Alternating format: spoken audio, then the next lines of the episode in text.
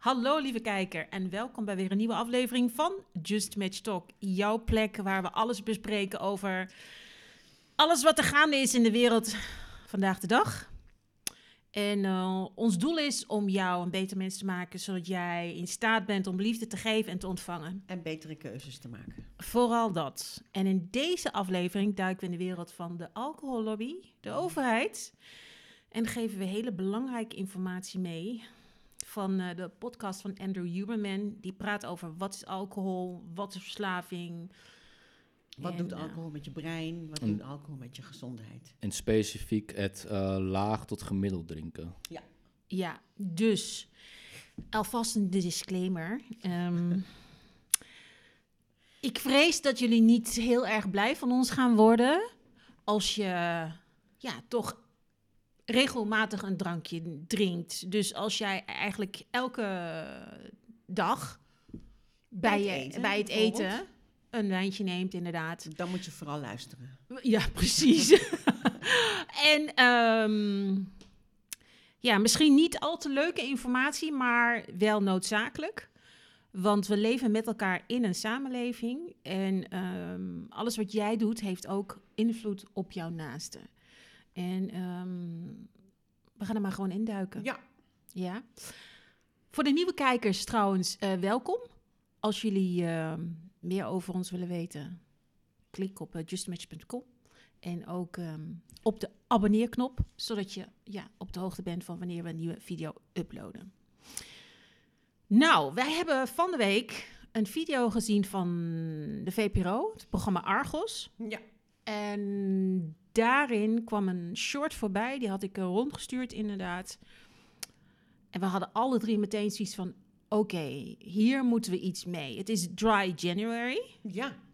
Alleen dat al? Ehm, alleen dat al, inderdaad. timing. Ja, En wat is dry January? Dry January?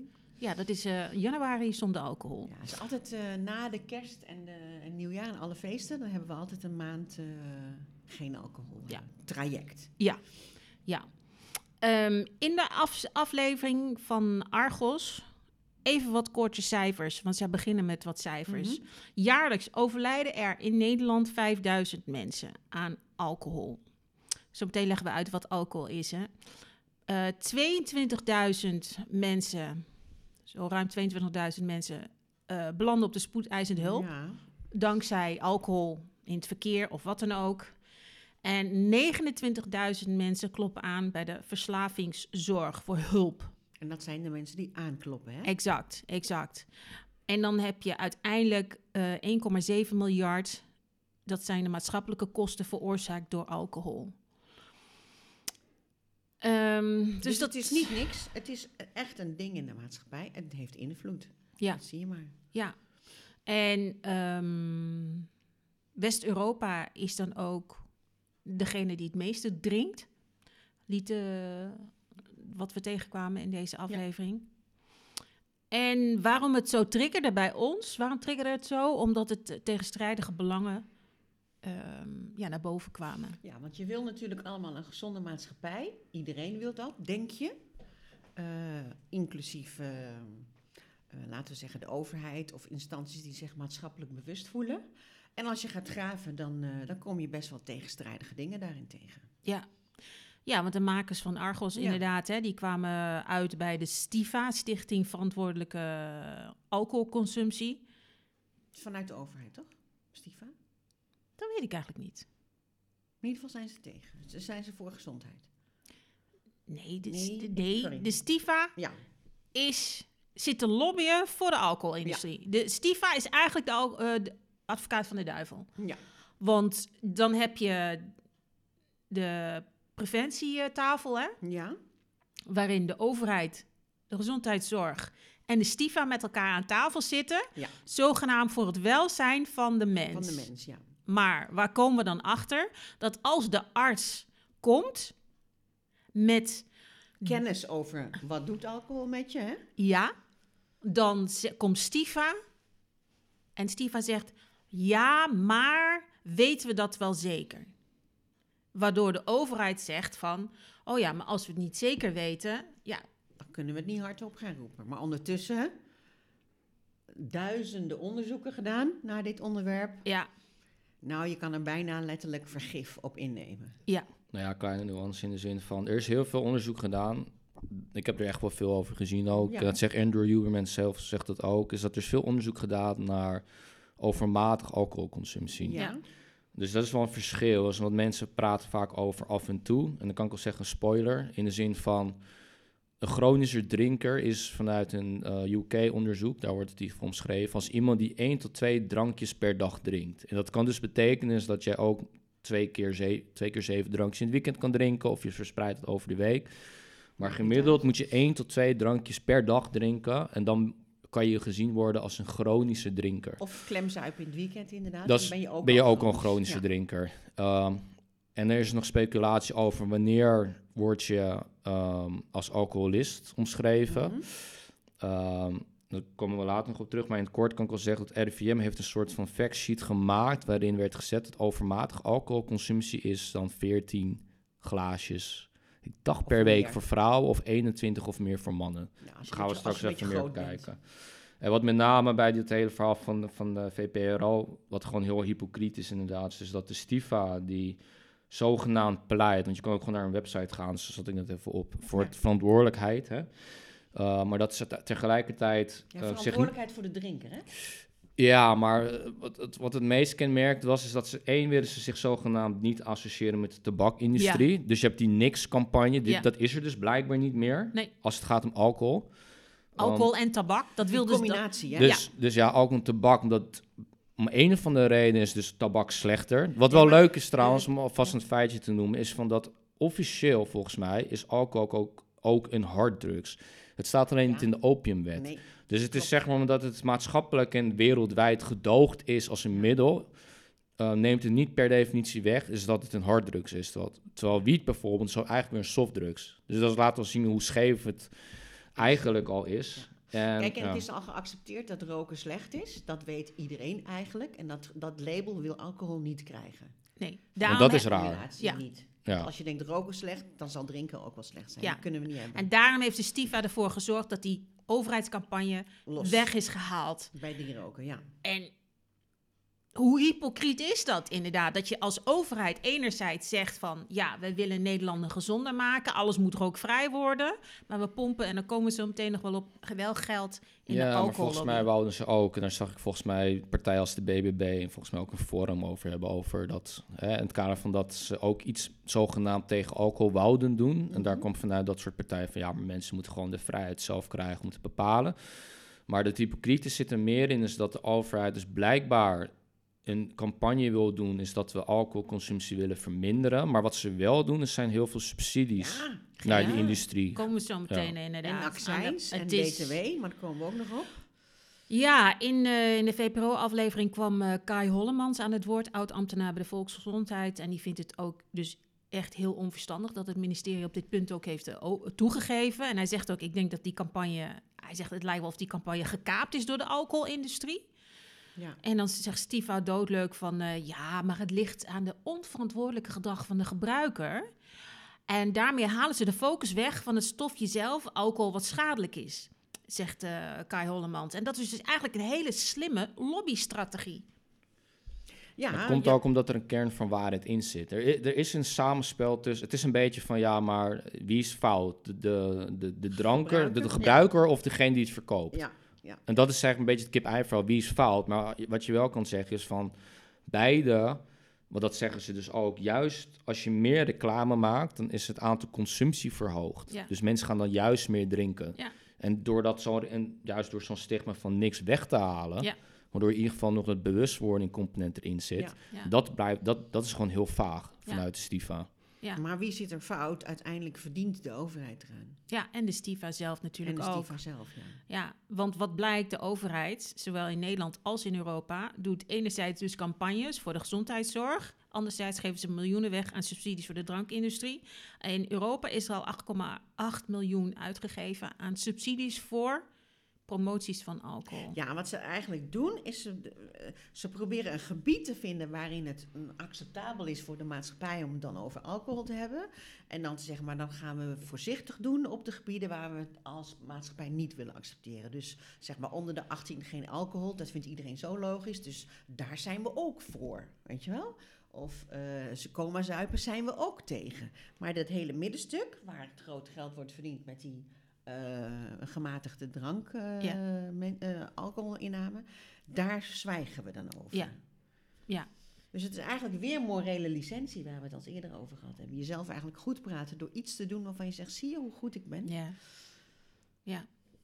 Ja, dus 1,6 miljard euro vanuit de eh, reclame voor Nederlandse wijn. 5 miljoen euro voor de promotie van sherry. Dus ja, het gaat helemaal nergens over. Mohammed uh, Gahim, Europe Europarlementariër van het PvdA, die is falikant tegen al deze promotiesubsidies. Hij zegt, ja goed, dat slaat ook helemaal nergens op. Hij zegt, als het product goed is, hoef je geen promotie te maken. Denk ik, vriend, ja, dat is, dat is, dat is raar, zeg maar goed. maar tegen alle marketeers. eh, Ja, inderdaad. Ja, die zeg maar, als je kijkt naar sales, zeg maar, dan is juist ook is een product goed. Ja. Maar je moet nog wel dat, ervoor zorgen dat het in het netvlies komt van Ja. mensen. Ja. Dus je moet. Dus, je moet. Ja. dus als dat je argument is binnen de EU, ja vriend, dan ga je het niet meer redden. En hij redt het dus ook niet. Nee. Ehm, Maar hij heeft nog een tweede aanvulling, hè? Ja, omdat al- alcohol schadelijk is voor de gezondheid. De, Ja. ja, Ja, maar de- het probleem zit beetje. Ja, nou, daar komen we later op. Maar het- ik denk dat het probleem met name zit in van. Wie heeft uiteindelijk de eindverantwoordelijkheid? En dat is wat zowel overheid, Stifa en gebruikers en eigenlijk niemand. Laat maar, wordt maar in het midden gelaten, zeg Ja. maar. Zo van, dan, dan is het de, de aan, aan de burger zelf. Zo'n grote vraag. Nou ja, misschien wel, maar aan de andere kant heb ik ook Ja, weer zoiets van. groot. Het is groot, maar uiteindelijk heb ik wel zoiets van... wij als burgers bepalen heel veel wat er gebeurt. Als, laten we zeggen, nu 80% van de Nederlanders... eh, gewoon even iets... zal stoppen met überhaupt het kopen van alcohol... Hm? dan forceer je zo'n lobby wel om anders te gaan handelen. Ja. Maar omdat we ook... en dat zijn... nou, dat, het leven is tegenwoordig gewoon blijkbaar heel zwaar. Dat we zijn zo afhankelijk van geworden. Of tenminste, nou, niet wij, want ik drink niet. Maar goed... Maar heel veel mensen die zijn wel afhankelijker van geworden. Dus je zou moeten gaan kijken van hoe kan je verantwoord... Want anders kan je alles afschaffen, laat ik het zo zeggen. En dat is een beetje de balans die je moet vinden. Want dan zou je ook geen transvetten meer... Want transvetten zijn ook Ja. slecht voor de lever. slecht, en ja. hoeveel producten... De, ik weet dat iemand mij nog een, eh, een, een filmpje stuurde over dat heel veel eh, voedselbedrijven... die maken nu... ehm, nou, mensen hebben, zeggen, hebben het idee dat de smaken veranderen. Dat, ze, dat het niet minder lekker smaakt. Het is gewoon dat blijkbaar toch ze gewoon goedkopere alternatieven Ja. gebruiken voor Ja. winst en alles. Dus Ja. dit een is... programma inderdaad over pasta, Italiaanse pasta. En toen gingen we zo naar, ging er iemand, een journalist of zo, naar Italië. Die liet de pasta proeven die wij hier eten aan die Italiaan. En hij schrok zich helemaal dood. Hij Ja. zegt, hier zou ik me echt dood voor schamen. Dit is gewoon plastic wat jullie eten. Ja. Ja. Maar dat weten wij niet. Nee, wij denken, zijn het wij gewend. Pasta. Ja, totdat we in Italië komen en Ja. daar gaan eten. En dan Ja. proeven we wereld van verschil. Ehm, Universiteit Twente en Amsterdam zegt ook... er is een kausaal verband tussen reclame voor alcohol en alcoholgebruik. Hè? Dus ja, Tuurlijk, wat je op je Netflix krijgt, daar, daar is die hele marketing op gebaseerd. ja, Dat ga je op een gegeven moment al- als kader zien. Of als norm. Of Ja. als normaal. ja. Daarom dus- was ook in de jaren nog wat, was sluikreclame op een gegeven moment werd volgens mij verboden. Is omdat het liet ze heel snel een Ja, logo zien van ja. cola was volgens mij het, traditionele voorbeeld. En dan had je de neiging om dat te kopen. Maar omdat het zeg maar een soort vals was, omdat het niet zo bewust werd op je neergezet, maar on- indirect, Ja, ja. is het op een gegeven moment verboden. Ja. Ja. Ja. Maar ja, goed, als de universiteit dat zegt, dan komt Stifa er weer aan. En die zegt, ja, causaliteit tussen blootstelling aan alcoholmarketing en intentie tot consumptie is niet aangetoond. Nou, nou, het is ten eerste wel aangetoond. Ja, Dus eh, ja, wat wil, je, wat wil je weer leggen? ja. En ten Ja. tweede kun je het ook gewoon zien. Ja. Eh, Nou ja, Ik precies. zal nog steeds wel. Ik, ik ben met misschien met allebei de stellingen niet helemaal eens. Ik, causaliteit vind ik in deze tijd heel lastig. Neer, ik, ben geen- ik heb het onderzoek niet gelezen. Ik kan heel moeilijk zeggen of ik het ermee eens ben of Mhm. niet. Maar er zullen potentieel meerdere factoren kunnen zijn waardoor je meer kan zeggen. Er, er is een hele sterke correlatie met. En daardoor kan je misschien zeggen dat het kausaal iets is. Maar gewoon Stiva's argumentaties, als het gaat om het welzijn van verantwoordelijkheid drinken, dan moet je niet eens hier tegenin willen gaan. Nee. Dat is meer mijn probleem. Dat is raar. Je weet gewoon, het is vergif. En dan ga je zeggen, er is geen causaal verband. Ja, dus wat de lobby doet is alle onderzoeken in twijfel trekken. En daarvoor zorgt het dus dat alles stagneert. Maar alcohol eh, eh, aan de man brengen, zeg maar, dat is ook. eh, kijk, alcohol zelf kan je niet zozeer aan de man brengen, maar ze, met, de, met, met die reclames die ze maken, ze creëren een wereld. Hè? Ja. Het is niet alleen het drankje, dus wat, wat is het causaal verband? Die wereld die wordt getoond, waarin drank een belangrijke rol speelt om je zo te voelen. En iedereen wil ergens bij horen. Ja. En daar komt die peer pressure, hè, de groepsdruk komt daar. Als je kijkt naar de laatste alcoholreclame van Heineken, daar worden steeds meer vrouwen gebruikt. Vrouwen Oh ja. die bier drinken, snap nieuwe je? markt. Dus nieuwe markt, Ja. vrouwen. Voorheen was alcohol vaak, hè, bier is vaak aan mannen geassocieerd. En nu, eh, die Heineken-campagne was met, eh, met allemaal jonge, mooie, knappe vrouwen, weet je wel. Dus er wordt heel bewust wordt er gemanipuleerd. Tuurlijk, ja, het is dus pure reclame. Eh, en je, het zijn allemaal up-reclames. Hè? Het is mooi, het is Ja. prachtig, het is gezellig, het Ja. is vrolijk. Je ziet natuurlijk niet de andere kant. Nee. En het is allemaal dankzij. Ja. eh, Vroeger hadden we nog wel de campagnes alcohol maakt meer kapot dan je lief is. Nou, dat, Ja. dat zien we al niet eens meer voorbij komen. Nee. Ehm, in, in deze aflevering van de VPRO eh, komt de arts ook aan het woord. Ik ben zijn naam even kwijt, maar die beste man Ja. die probeert zo zijn best te doen om te benadrukken van waarom eh, het is gewoon niet goed voor je, met alle uitleg en onderzoeken erbij. Ja. Eh, en dan vraagt, dan wordt hem ook gevraagd, waarom is die alcohollobby zo succesvol? Vraagt ze aan de arts. En dan zegt hij, ja, het is zo verweven in onze maatschappij Ja. dat als je naar een feestje gaat en je drinkt niet, dan ben je saai. Ja. En ehm, Ik zat ook van de week een programma eh, in therapie te kijken. En eh, dan zie je dus mensen die in therapie zijn, zie je dus de therapeut, maar niet de gasten zelf, maar je hoort ze wel praten. En één ehm, eh, consult was zeg maar tussen een echtpaar, man en vrouw, van de man eigenlijk eh, ehm, eh, veel dronk en de vrouw wilde dat hij stopte. Daar kwamen ze niet uit. Want die man die wou eigenlijk zeggen, waar heb je het over? Wat is het probleem? En die man en die vrouw die zegt, eh, als het probleem is, ik ben je kwijt, je maakt geen contact, je bent ziek, eh, je, je, je, je, ziet er slecht uit, je wil geen eh, dingen meer doen. Dus een hele waslijst aan negatieve activiteiten, de, gevolgen ervan. En de man had nog steeds niet door dat het voor hemzelf en de ander vervelend was. ja, En hij zei ook van, ja oké, als ik dan niet drink, dan ga ik dus ook niet naar feestjes. Dan ga ik dus nergens, dan gaan we de we dus nergens meer heen. Ja. Want dat kan niet, Ja. eh, ergens heen gaan en niet drinken. Ja. Dus die connectie is echt heel erg met elkaar verweven. Gezelligheid en drank. En om dat bewust uit elkaar te halen, nou dat zag je wel. eh, je ziet ook wel het hoor. eh, Ik moet wel zeggen, je ziet echt verschil. Dus als je dan mensen hebt die er oprecht van genieten, die zijn voordat ze bewijs van drinken al gezellig. Als het in een, in een uitgaan of een feestfeer is, die zijn, die zijn al leuk. En dan hebben ze een drankje op en dan worden ze nog leuker. En je ziet de mensen die soort van zich ged- gedwongen voelen om het te doen, als het ware. En Ja. dan pas iets durven te doen. En het is ook lastig, hè? want je, je kan er eh, bepaalde delen maken je ontspannen natuurlijk. Dus Ja. het is ook een eh, korte termijn, lange termijn. eh, ja, maar het is heel vals, hè? Want de industrie wil dat matige gebruik blijven promoten, zegt Hollemans. Hè? Ja. En precies daar ligt de crux. Want de industrie heeft er alles voor over om jou aan die drank te houden. tuurlijk. Want bij elke reclame staat geniet met mate. Ja, net als bij gokken. Geniet met mate. Heb je ooit iemand aan een tafel, een roulette tafel gezien en de, de gedachte op het heat of the moment, ik stop ermee? Met mate. Dan ben je al in de verslavingsmodus. Ja. Heeft geen zin. Nee. Dus het is... En het wordt niet eens benoemd, hè. het staat in kleine lettertjes. dus het is misschien. en het ding op stop. Dus misschien is het... eh, kijk, het is gewoon... Als je het af en toe ziet, zal ik nog zoiets van... eh, het zal wel, maar... Ja, het blijft gewoon... eh, gewoon vanuit de Stifa is het gewoon... Blijft het gewoon heel... eh, en ik weet niet, volgens mij... Ik heb niet, ik heb niet kunnen vinden of het nou misschien door de overheid ge, ges- gesponsord bewijs van wordt... of dat ze een particulier zijn, Nee. I don't know. Nee. Maar het is gewoon een... eh, als jij zogenaamd pleit voor gezondheid... Dan had, dit, dan had dit helemaal niet te sprake mogen komen. nou, maar de of in ieder geval voor... Ja, aan, aan, de, aan, de, aan, de, aan de drank en, en aan, aan het spelen. Dus eventjes dan die gokreclame. ja. Uiteindelijk komt er een deel van de winst gaat naar de overheid. Ja. Ja, dus alles wat de over... Ja, ik, ik hoop echt dat de kijker zelf gaat nadenken. Dat is waarom wij dit soort eh, programma's maken, uitzendingen maken van... de overheid die geeft je enerzijds, je wil dat je gezond gaat leven. En anderzijds, Geld opmaken, want dan kan ik er wat mee doen. Misschien doen ze er goede dingen mee, maar... eh, nee, niet. Nou ja, ik bedoel, wegen aanleggen, hè, weet ik veel wat ze met het geld willen doen. Oké, Eh, maar, maar, wel over de rug van, eh, van, een, van de mens die daar, die daar niet gezonder op wordt. Ja, zegt de interviewster dan, ik snap dat we niet willen dat ons wijntje van ons wordt afgenomen.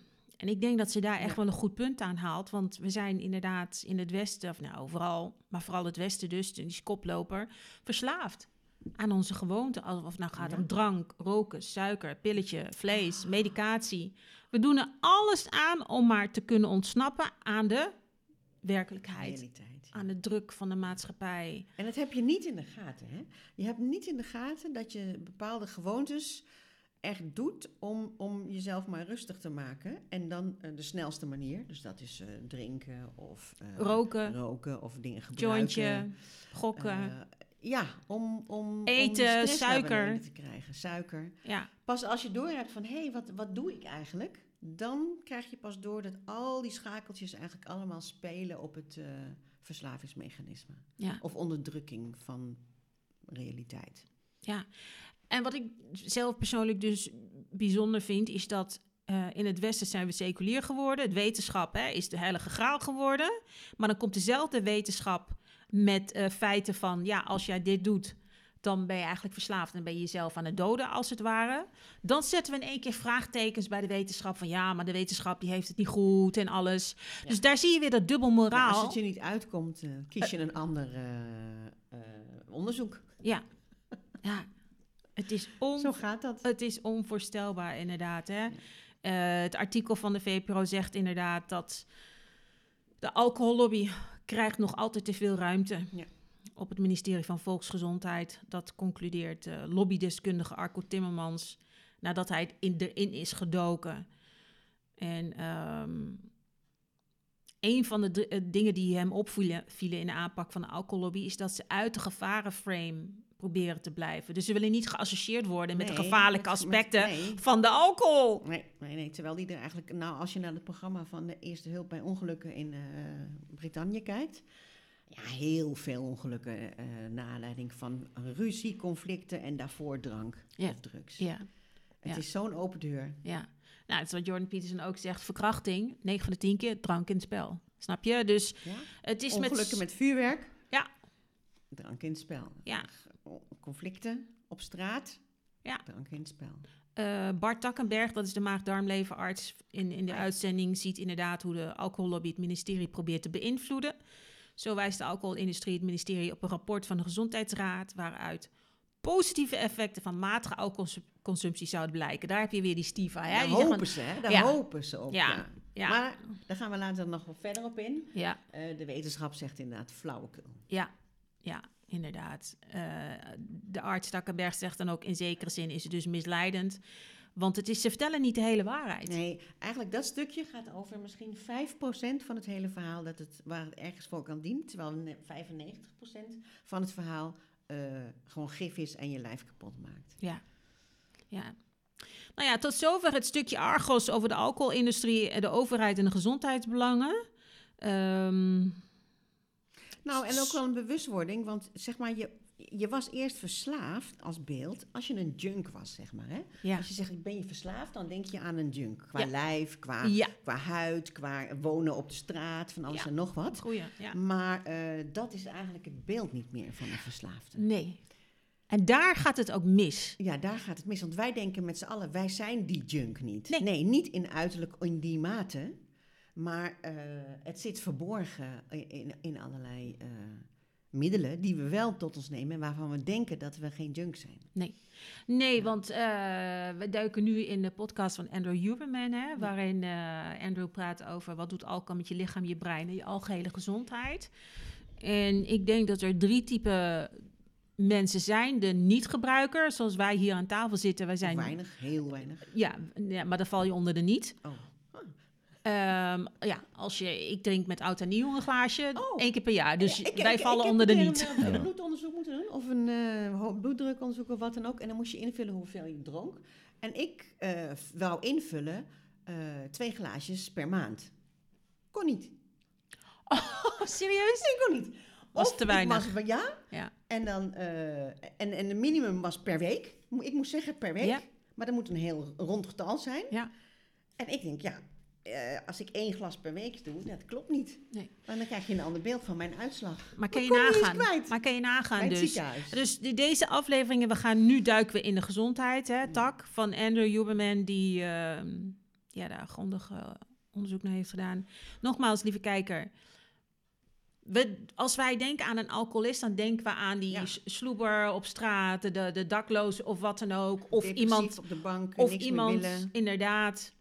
Maar, lieve kijker, ik denk dat wij de brenger van slecht nieuws zijn. Nou ja, wacht even, want voordat je het wil zeggen. Kijk, er moet een onderscheid gemaakt... Waar Andrew Huberman over heeft, is... Een chronisch, ben jij een chronischer drinker of ben jij misschien overmatig? En dat overmatig is dan ben je meer de neiging tot een alcohol, een, eh, dat je alcoholverslaving hebt. Kijk, als je, ik, je je kan heel veel dingen googlen hoor. En ik zie er hier toevallig gewoon eentje. Hoe weet je dat je verslaafd bent? In die zin is als je de controle van het drinken kwijtraakt. Dus je kan er niet meer zonder. Nee, kan geen. Ehm, ik denk dat volgens mij overmatig, maar daar gaan we zo nog wat dieper op in. Ehm, dus bij vrouwen 14 glazen per week was het, dacht ik. Ja. En bij mannen 21 glazen per week. ja, Dan dat bij- is RIVM, hè? Ja, maar, maar dan- zegt iets anders. Nee, nee, nee, maar de, als je het hebt over definitie is van wanneer kan je iemand verslaafd achten aan dit probleem? Want chronische drinkers, hè, want dat is het, het idee van Andrew Huberman is eigenlijk dat hij gaat vertellen van er is nu een, een en dat is al in 2022 was het, want dat, toen was die video kwam die uit, Ja. Uh, was er een onderzoek gedaan in de UK met een grote databank. uh, waarbij werd gekeken naar eigenlijk mensen die low to moderate, dus laag tot weinig Ja, drinken, Zeggen te drinken. zeg te drinken. Ja.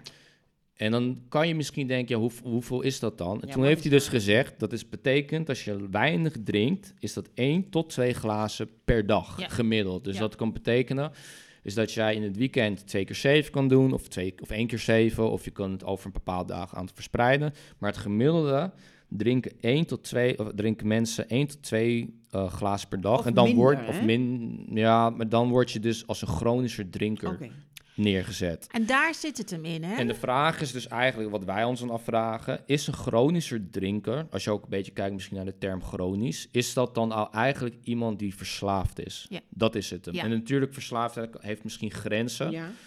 maar er is waarschijnlijk, denken wij dan, dat er toch een vorm van verslaving in zit. Al is het maar heel licht.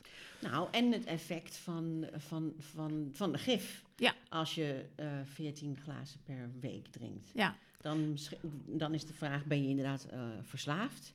Maar ook, wat doe je je lichaam aan met, met de, die hoeveelheid? Ja, ik, ik wil, kan op zich wel even ingaan over hoe hij begint. En dan ook heb ik, ik heb ook gewoon een beetje de Ja. Nederlandse data ernaast Ja. Ja. Omdat het meer, ik dacht misschien is dat het verschil. ja.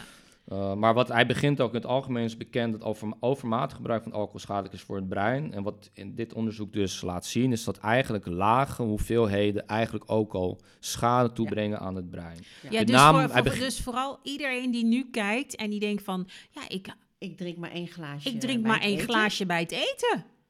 Dat, want hier, over die groep hebben we het Nou, hier, hè? Ja, en dat Ja. is ook maar één glaasje, maar het heeft veel effect op brein, lichaam, Ja, alles. Ja. Ja, dus hij begint eh, zijn podcast, maar uiteindelijk kom je erachter dat het eigenlijk een, een, een driehoeksverhouding is tussen het brein, de lever en de darmen. Maar hij begint met name over de neocortex. Ja, ik heb het nog wel opgeschreven, maar in principe, ehm, ik weet niet of we dat helemaal willen uitlichten van wat het precies een beetje. Ja, Neem het maar mee. Ja. Ehm, maar het heeft met name, laten we dan maar, laat ik het dan maar zo zeggen, het heeft ehm, de neocortex maakt deel uit van de cortex cerebri en is betrokken bij de hogere functies zoals zintuigelijke waarneming, bewuste bewegingen en bij mensen redeneren, abstract denken en taal. Dus dat is zeg maar wat dat deel van het brein doet en dat wordt dus aangetast door alcohol. Het zij dus waarom mensen zeg maar zich anders gaan gedragen. En Eh, ook al bij één glaasje per dag. Ja, Ja. maar dat, daar komen we later eh, in. Ehm, de, de studie waar die naar refereert eh, heet Alcohol Effects on Neurobehavior Functions and the Brain.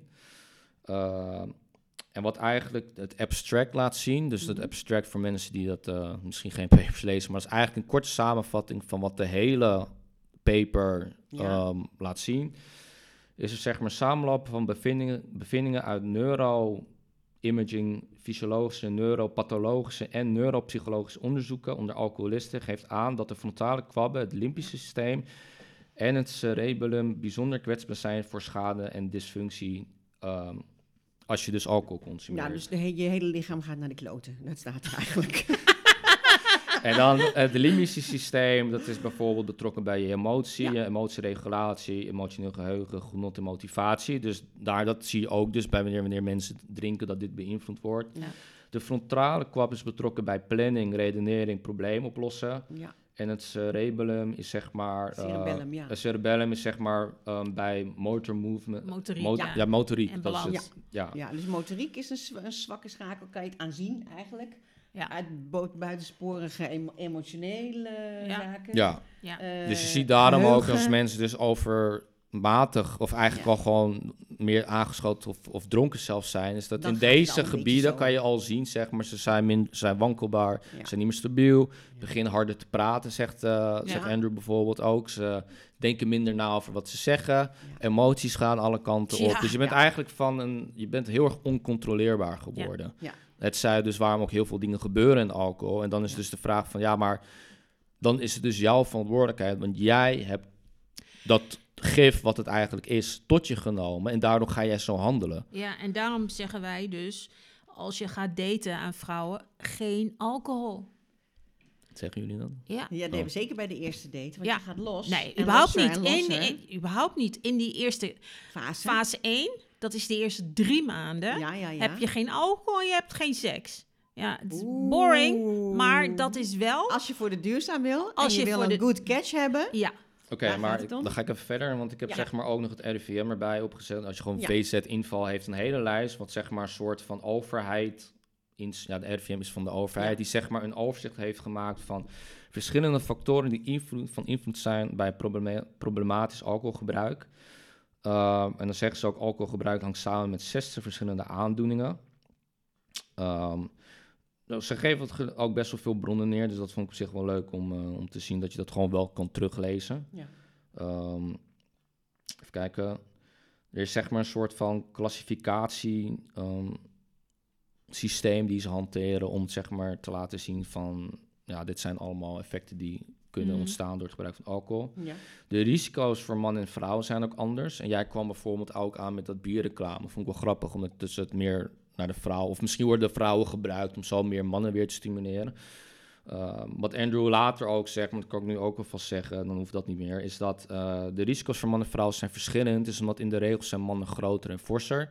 Dus de hoeveelheid alcohol heeft ook heel erg te maken met Met je lichaam. Met je lichaamsbouw, je lichaam. hoe Ja. zwaar ben je, hoe lang ben je, maar ook zeg maar, met de mate van drinken. Drink je heel snel, drink je zeg maar eh, meer verspreid. Ehm, dus als je dezelfde hoeveelheden drinkt, dan heb je als vrouw eigenlijk meer sneller klachten dan als een man zou drinken. Ehm, de risico's voor kinderen en jongeren, ehm dan ga ik ook wel vast iets zeggen wat hij veel later in de podcast terug, zegt. Want als je zegt mannen en vrouwen verschillen, dat is wel heel belangrijk voor de studenten onder ons. Omdat die dames, de heren eruit willen drinken met, eh, in de studentenhuizen. Maar het heeft dubbel effect op die vrouwen. Hè? Ja. Ja, want het is omdat ze in de regel dus gewoon ja, minder oppervlakkig wil ik gaan zeggen. En daardoor zijn de Ja. effecten groter. Ja. En als je kijkt naar de hoge risico voor kinderen en jongeren, eh, dan ga ik ook alvast iets zeggen, dus we hoeven dat dan ook niet per se te doen. Is Ja, dat. Als je als jongere al gaat drinken, dan is er een, een correlatie, zegt hij, is dat de kans dat jij alcohol, een alcoholist wordt, wordt dan groter. En dat hoeft nog niet eens te betekenen is dat in jouw familie alcoholisme, zeg maar, erin zit. Mhm. Maar als jij gewoon jong begint met drinken, dus hij zegt ook van drink zo laat mogelijk. Ja. Want hoe later je drinkt, hoe groter de kans dat je er eigenlijk meer controle over hebt dan als je dus heel jong begint. ja, want tot je 25ste is, zijn, is je hersenen nog niet volgroeid. Dus als je voor je 25ste al eh, veel drinkt, en vaak en, en, en jong, dan zit dat al in je systeem zonder dat je brein er daar nog eh, grip op heeft. Ja, en Heb- wat maar nog... kennen jullie de Erik Scherder reclame? Ja, Van eh, nog dat, even niet of zo? nog even niet, inderdaad. Dat kind, hun kind wordt 16 en dan Ja. zegt die vader tegen de moeder... Ah, zullen we haar ook een wijntje geven of een biertje doen? Ja, maar qua gezelligheid, qua cultuur, qua samenleving zijn we dat gewend. Ja, maar hoe zot, sorry, maar hoe zot is het dat ouders eigenlijk degene zijn die hun kinderen Ja. aan de drank zetten. Ja, omdat je eh, zelf een tijd hebt gehad, waar het niet bekend was, als tiener, wat heel erg leuk was met alcohol. Dus dat wil je je kinderen ook gunnen, zeg maar. Die lol en die vrijheid en die leuke dingen. Maar je weet, je, je hebt het verhaal van de schade, heb je niet. Nou, weet ik niet. Het kan ook gewoon zijn dus dat als jouw kind een buitenbeentje zijn, daar wil je als ouder niet mee dealen. Dus dat zou ook een reden kunnen zijn. Ja. Maar ehm, hersenschade bij alcoholgebruik bij jongeren is ook nog een punt wat ze aanhalen. Een excessief alcoholgebruik onder jongeren kan leiden tot het ontwikkelen en verergeren van psychische stoornissen zoals angststoornis en depressie. Zeker met, dus een tijdje geleden was het op het nieuws, ehm, is dat de eh, mentale gezondheid van jongeren sterk aan het toenemen is Ja. is dit dus ook een effect wat niet helpt om de mentale gezondheid van jongeren te beperken. Het wordt juist alleen maar erg op deze manier. En opvoeding, hier- opvoeding, opvoeding. Wat ze hier ook zeggen, en dat is vanuit een studie van ehm, uit 2016, 2018, zie ik hier de referentiepunten. Zwaar alcoholgebruik, minstens één dag per week zes glazen of meer voor mannen en vier glazen of meer voor vrouwen, kan ook negatief impact hebben op het geheugen. En dan de reden waarom ik dit noem, is dat ze dit al omschrijven dus als zwaar alcoholgebruik. Ja. Dus dan, dan is het weer, dus het, het probleem is heel erg met definities. Want als je nu zegt zwaar alcoholgebruik, ben je dan verslaafd. Dat, dat- aan de andere kant wordt weer gezegd, is van dat de kans als jij dus vroeg begint met drinken en veel drinkt, dat je op de oudere leeftijd dus de versla een alcoholist wordt. Dus het is het chronische drinken, als het ware, lijkt veel meer in lijn te zitten met dat je eigenlijk gewoon zwaar, in ieder geval verslaafd bent eh, Ja. aan alcohol. Ehm, een ander punt wat ze zeggen is, je hebt ook steeds meer alcohol nodig voor hetzelfde effect. Ehm dit zien we natuurlijk, dat, dit is eigenlijk het dopamineverhaal wat we al vaker hebben gezegd. Ja. Ehm, en hoeveelheid en frequentie, dus drinkpatroon, hoe vaak je per keer drinkt, maar dat spreekt wel voor zich. Dat heeft ook een bepaalde vorm van, dat heeft ook impact op de vorm van schade. En waar ze eigenlijk mee eindigen, en dat zegt Andrew Huberman later ook, maar dat doen we apart, denk ik, is dat alco- alcoholgebruik heeft vaak meer negatieve dan positieve gevolgen. En dat is, dit zijn dus, ehm, eh, dit is dus iets wat RIVM neerzet. Ehm, en in 2021 zijn er zo'n eh 2400 sterfgevallen door alcoholgebruik. En zul je dan ook nog een tabel zien, misschien dat ik dat nog wel in beeld zal zetten. En dan moet je dus denken aan lip, mondholt en speekselklierkanker, slokdarmkanker, dikke darmkanker, diabetes, borstkanker, beroertes en verkeersongevallen. Ja, en het is moeilijk, hè? Want je zit op een feestje en je denkt het is gezellig en we nemen nog een glas. En je gaat niet denken, ik doe het niet, want ik wil geen borstkanker. Die lijn die ligt zo Ja. ver uit elkaar, maar Ja. het is wel een lijn. Ja. ja, want we denken altijd kanker overkomt ons, maar een derde van de kankersoorten is door onze eigen keuze. Omdat wij suiker, eh, dieren, varken eh, en alcohol en roken en Slechte dingen voor ons lichaam. Je moet daar wel voor, dat is wel iets van, dat kan ik persoonlijk zeggen, want ik weet nog wel dat mijn vrienden tegen me zeggen van, het is best apart dat, dat jij, Jij het krijgt. jij het krijgt Ja. en ik niet. En ik zeg, in mijn persoonlijke, hè, maar dat is niet wetenschappelijk onderbouwd, dit is denk ik ook gewoon het feit van, eh, tenminste wat ik tegen mijn psycholoog zei, ik zeg, hey, ik wil best geloven, is omdat er een genetische afwijking is, want het zit aan de ene kant deels aan mijn moederskant van de familie, zit het nou eenmaal. Ik zeg, maar het kan ook zijn dat, er, dat je mentaal gewoon op andere manieren heel veel stress, waardoor je dingen niet uit. Ik sta open daarvoor, is dat het misschien in, in het mentale domein zit, waardoor Ja. ik het heb kunnen ontwikkelen. ja. Want alleen door hier open voor te staan, kan je kijken van naar wat kan ik in mijn leven anders doen. Ja, dat om het zo- om het zo te beperken. Als het mentaal is, want het betekent dat je er ook grip op zou kunnen krijgen. Ja, en ik heb nog een heel klein stukje inderdaad over eh, wat nog meer van het RIVM. Is dat eh, ze hebben hier dus een illustratie laten zien van wat de effecten van overmatig drinken zijn. En in een factsheet noemen ze het zelf, want het RIVM wordt gezegd dat in 2020 kwam overmatig algebruik een zwaar alcoholgebruik voor bij respectievelijk 6,9 en 7,7 procent van de bevolking boven de 18 jaar. En dan zeggen ze dat de pandemie zeg maar invloedspotentieel ook. zou hebben. En hier zeggen ze zelf ook dus dat overmatig drinken wordt in de voetnoot beschreven als 14 glazen voor vrouwen per week en 21 glazen voor mannen per week. Ja. En toen heb ik een beetje gekeken van oké, die percentages, ik snap niet helemaal, misschien is het verschil tussen man en vrouw of zo, die, waarom ze twee percentages neerzetten. Maar ik heb opgezocht hoeveel 18-jarigen en s- 65-jarigen in Nederland waren. En dat is zo misschien afgerond zo'n 11 miljoen. En pak je daar 7 miljoen procent al van, dan is het al sowieso eh 760.000 mensen die dus daar last van hebben.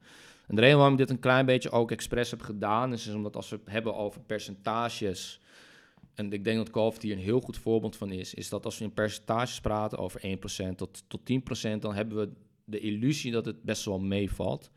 En daarom denk ik dat de overheid ook expres, dat is een ver een andere discussie, maar expres de percentages heeft veranderd naar aantallen.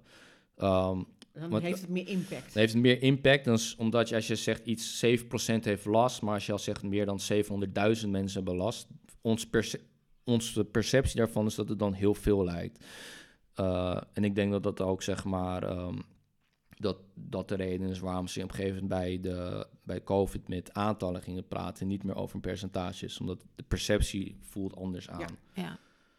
En eh, dan laten ze ook nog een leuke afbeelding zien van factoren die van invloed zijn op alcohol, alcoholgebruik. Dus groepsdruk, gezellig zijn, Ja. familie, eh, hè, van alles. Gewoontes, ja. En zo 1,5% van de ziektelast in Nederland is problematisch alcoholgebruik.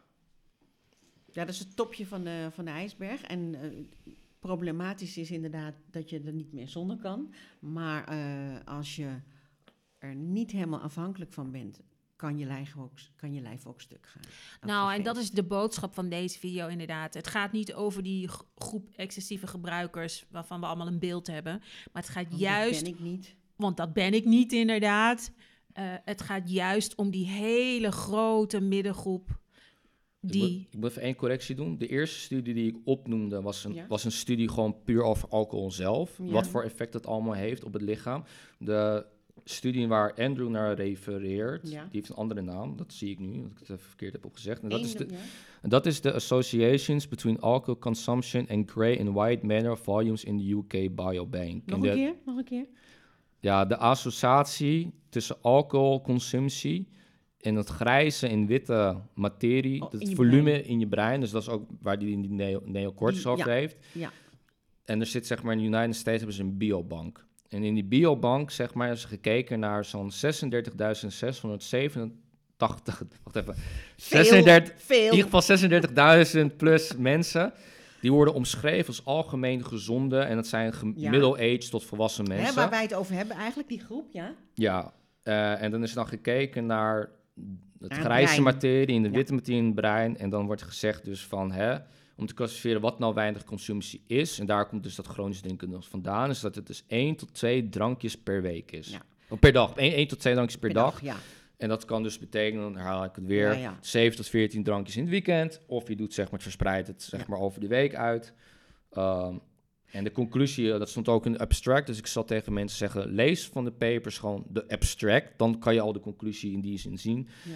Is dat het, eh, en wat Andrew ook zegt, van ja, het, het, beschadigt je al.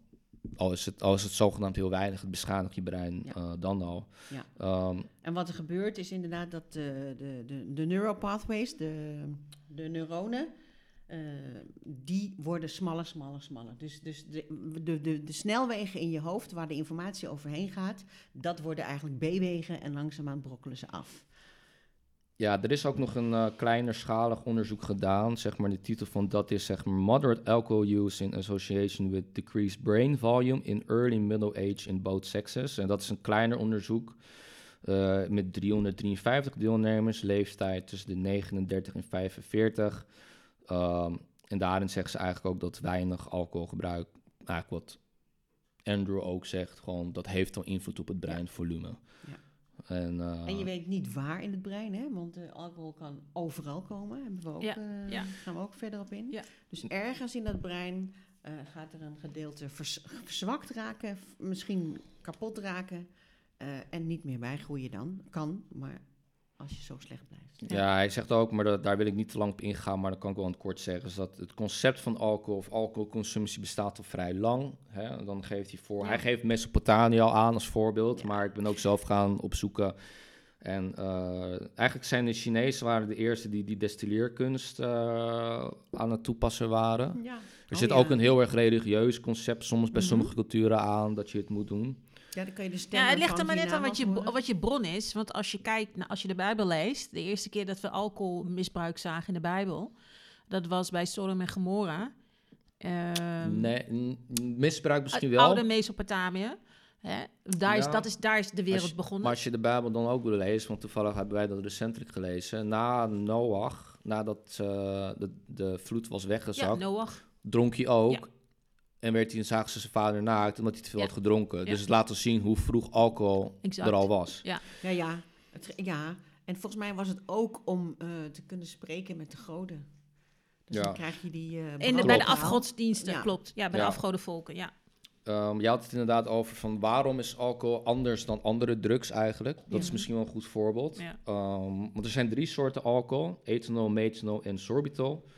Ehm, wat Andrew ook gewoon zegt is dat alcohol eigenlijk altijd medicinaal altijd is gebruikt Ja. om bacteriën te doden. Dus het werkt. Het maakt geen onderscheid tussen de goede en de slechte bacteriën. Dat is dus het probleem Ja. als wij het consumeren als dus mens. de goede gaan ook weg bij ons. ja. bij Ehm, iedereen. ja, maar en wat het is, het is water en vet oplosbaar. Dus waarbij heel veel andere drugs, zeg maar, um, op het oppervlak van de cel gaan zitten. En daardoor waarschijnlijk veel meer. Dit is een beetje niet, giswerk. In je hele lijf eh, gaan in ieder geval gaan. Nou, het, het, ik denk het makkelijkste is om het samen te vatten. Maar voor de mensen, lees onderzoeken. Kijk zijn podcast als je een wat concreter beeld wil hebben, een accurater beeld. Maar het idee is van dat alcohol eigenlijk door al je systemen in het lichaam kunnen. En het brein heeft een soort barrière Ja, waar heel veel dingen niet doorheen kunnen. En alcohol kan daar dus wel heen. ja.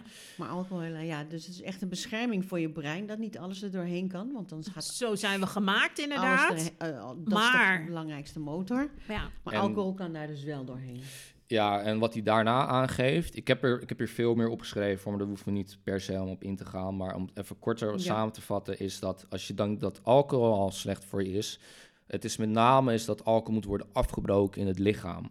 Ehm, en het wordt afgebroken tot acetal, acetaldehyde. Ja, dat was het en dat woord, stofje ja. is nog giftiger, zeg Ja. maar, voor het lijf. Dat is eigenlijk de echte boosdoener, hè? Of de grote boosdoener. Die andere ook, maar de alcohol. Maar de omzetting eh, daarna. Ja, ja, dus je bent ethanol, gif. gif aan het innemen. En dan heb je de, Dat moeilijke woord, dat, de zeg maar even. Ja. Aldehyden. ja, die zorgen dat het eigenlijk nog slechter met je gaat. Ja. En je lever moet het allemaal afbreken, dus die krijgt het zwaar te verduren. Ja, en dan is het dus ook een beetje van op een gegeven moment, je moet het, als je het, de, als je dan drinkt, je minder schade hebben, wil je het, als, het, als ik het goed heb begrepen, een bepaald tempo doen, dus dat je niet zoveel alcohol tot je hebt, dat zeg maar het niet kan ophopen als het ware. Want dat ophopingsproces zorgt voor problemen. Ja. Volgens mij van Tribos, die had daar ook een heel artikel over geschreven. Ehm, en ze noemen het ook oxidatieve stress. Volgens mij tijdens stofwinning worden voedingsstoffen verbrand door verbindingen om aan te Ja, gaan al- met zuurstof. altijd. Ja, Bij Ja, alle cellen. In dit heet oxidatie, Ja. zeg maar. Maar waar het op neerkomt, is eigenlijk is dat je gewoon een DNA-verandering... Ja. Je brengt schade toe aan DNA, DNA. Deze verbinding brengt schade toe aan de cellen en aan DNA. Daardoor kunnen verschillende aandoeningen ontstaan, waaronder verschillende soorten kanker, zoals leverkanker en dikke Dus darmkanker. je kans op, op, op, eh, op eh, kankercellen vergroot. Dus niet Maar letterlijk ik dat je vond het dat- krijgt, per ja. definitie, maar de kans eh, wordt wel groter. Ja, niet alleen eh, de hersenen, maar vooral dat mondgedeelte, wat je had opgeschreven, inderdaad. Dat vond ik ook super. Daar wordt ook niet over gesproken, hè? Het verhoogde risico op kanker in de mondholte, keelholte. ja, want daar Ehm, gaat alles doorheen ja, als eerste. ja. Daar zitten ook heel veel weefsel, ja, weefsels. En daar gaat het tussen zitten, zeg maar. dus slechte mondhygiëne kan dus ook zorgen voor de verhoging van de concentratie van acetaldehyde, inderdaad. Waardoor eh, bepaalde bacteriën gaan gisten en alcohol nog meer gaan omzetten. Dus het, is, het begint dus, dus op het... Ik hoop... Dus als je die slok al in je mond neemt, Ja, dan ben je al aan het eh, dan ben je jezelf bederven. eigenlijk al aan het vergiftigen. Nou, wat Andrew ook wel, dat zei die arts ook, die Bart. Ja, Maar wat Andrew ook zegt, is dat het wel grappig, maar eh, is dat er heel veel promotie is naar het streven om alcohol te bemachtigen. Anders hoor je er niet bij, anders ben je Ja, et cetera. Ehm, en als je dan weer het vergelijkt met korte termijn tegenover lange termijn, want dat is eigenlijk waar het heel vaak op neerkomt, Ja. ehm, dan lijken mensen die naar alcohol streven, eigenlijk streven naar een, een soort van happy pleasure factor, wil ik het maar even Ja. noemen. Maar daarna is het effect, wat, wat effect wat ze willen bereiken, is heel kort ten Ja. opzichte van wat daarna gebeurt. En dan is het effect juist best wel extreem verminderd. En voelen ze mensen zich, zich alleen maar slechter eigenlijk. ja. Eh, en jij had het inderdaad ook over het gedrag in het, in het brein. Ze hebben het, eh, hij heeft wel heel, hele mooie timestamps hoor. Dus ze kunnen ook Ja. mensen echt per onderdeel kijken. En per onderdeel kan je ook naar andere podcasts van hem kijken. fan. Uh, maar wat hij dus inderdaad zegt, want jij hebt het eigenlijk over die uh, um, impulsief. Hij heeft het over impulsiviteit en de neuroplasticiteit in je, in je brein, zeg maar. Ja, eigenlijk de, de executieve functies die zitten hier, zeg maar. Plannen, eh, nadenken, nou, hij heeft het, hij heeft het over. Hij heeft het over nou, hij heeft het over impulsief gedrag in Ja. dit voorbeeld. Ja. En als ik het goed zeg, kan je dit dus ook al vrij snel zien. Hij, zegt, hij gaf als voorbeeld Ja. als iemand bijvoorbeeld die elke zaterdag uitgaat. um, dus het is maar één keer per week. uh, en dan drinkt hij misschien niet eens zo heel veel. um, maar doordat hij drinkt, zeg maar, heeft het al effect zeg maar, op je impulsiviteit. Zeg maar. Ja. En dat betekent dat in de dagen dat je dus niet drinkt, ben je ook alsnog impulsiever geworden. blijft het doorwerken. Het blijft doorwerken. Ja. Ja, en al die veranderingen in het brein ehm, zijn omkeerbaar, dat zegt hij dan weer wel. Maar voor de mensen die denken, omdat in de regels zijn best wel wat mensen ehm, chronische drinkers, die zouden ongeveer twee tot zes maanden lang niet moeten drinken. Nou ja. Dus eh, nog een keer. Zeg het even nog een keer. Voor de kijker die denkt, ja, maar ik drink alleen bij het, bij het eten, Eten? doe ik een wijntje. Ja. Eh, al die gif, al die... je- Ontgiftingen. de aanval dus, op ja. jouw hersenen, op je darmen, et cetera, wil je daarvan af, dan moet je dus twee tot zes maanden niet drinken.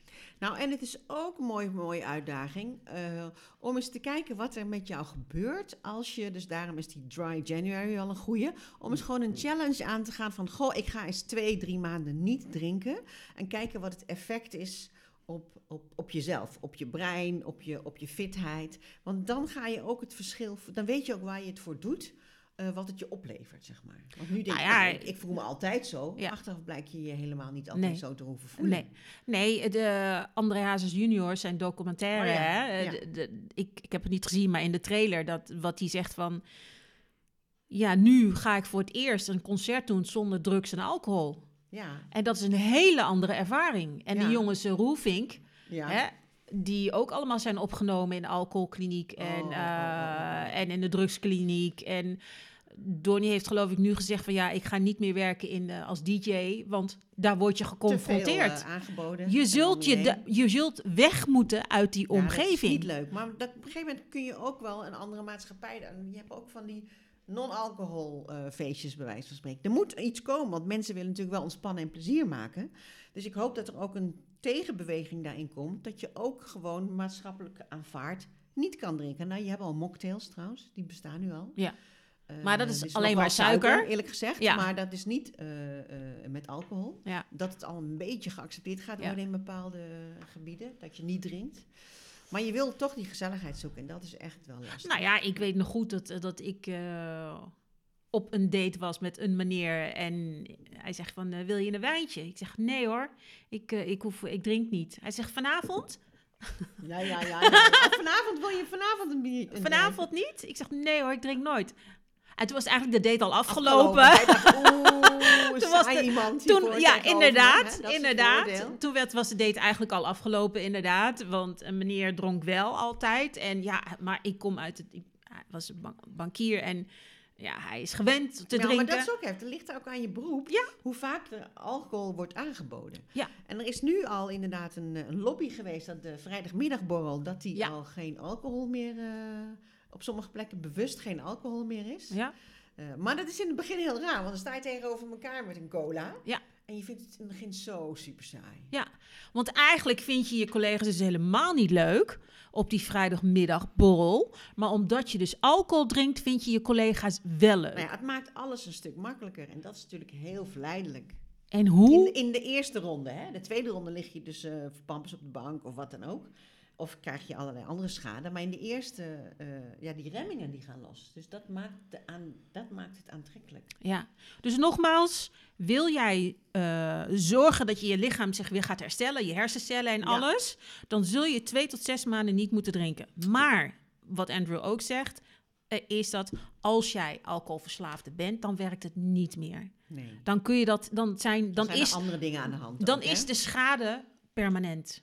Ja, nee, maar dan ben je ook wel echt zwaar alcoholisch. En dan heb je het ook wel echt over een langere periode. Dus het, aan de ene kant vind ik het dus daarom best bijzonder hoe, in dat opzicht, hoe Lichaam, sterk het eh, lichaam is. En ja. wat we als lichaam allemaal wel kunnen. Ja. Ehm, en in het kader van, als je, als je dan een paar tips wil hebben, hè, en in het, want hij geeft er meerdere, maar ik kan ze wel even kort samenvatten. Ja. Ehm, eh, want hij heeft het, eh, mm, misschien kan ik er heel kort iets over zeggen, want er is zeg maar, hij noemt het de God-Liver-Brain Axis. Mhm. En ehm, er zijn, ik denk dat er zijn een paar dingen die je niet moet doen, zeg maar, als je dus alcohol hebt gedronken. Of wat hij wel zegt is bijvoorbeeld, neem geferment, eet gefermenteerd voedsel, low sugar, zeg maar, want je hebt ook gefermenteerd met veel suiker blijkbaar.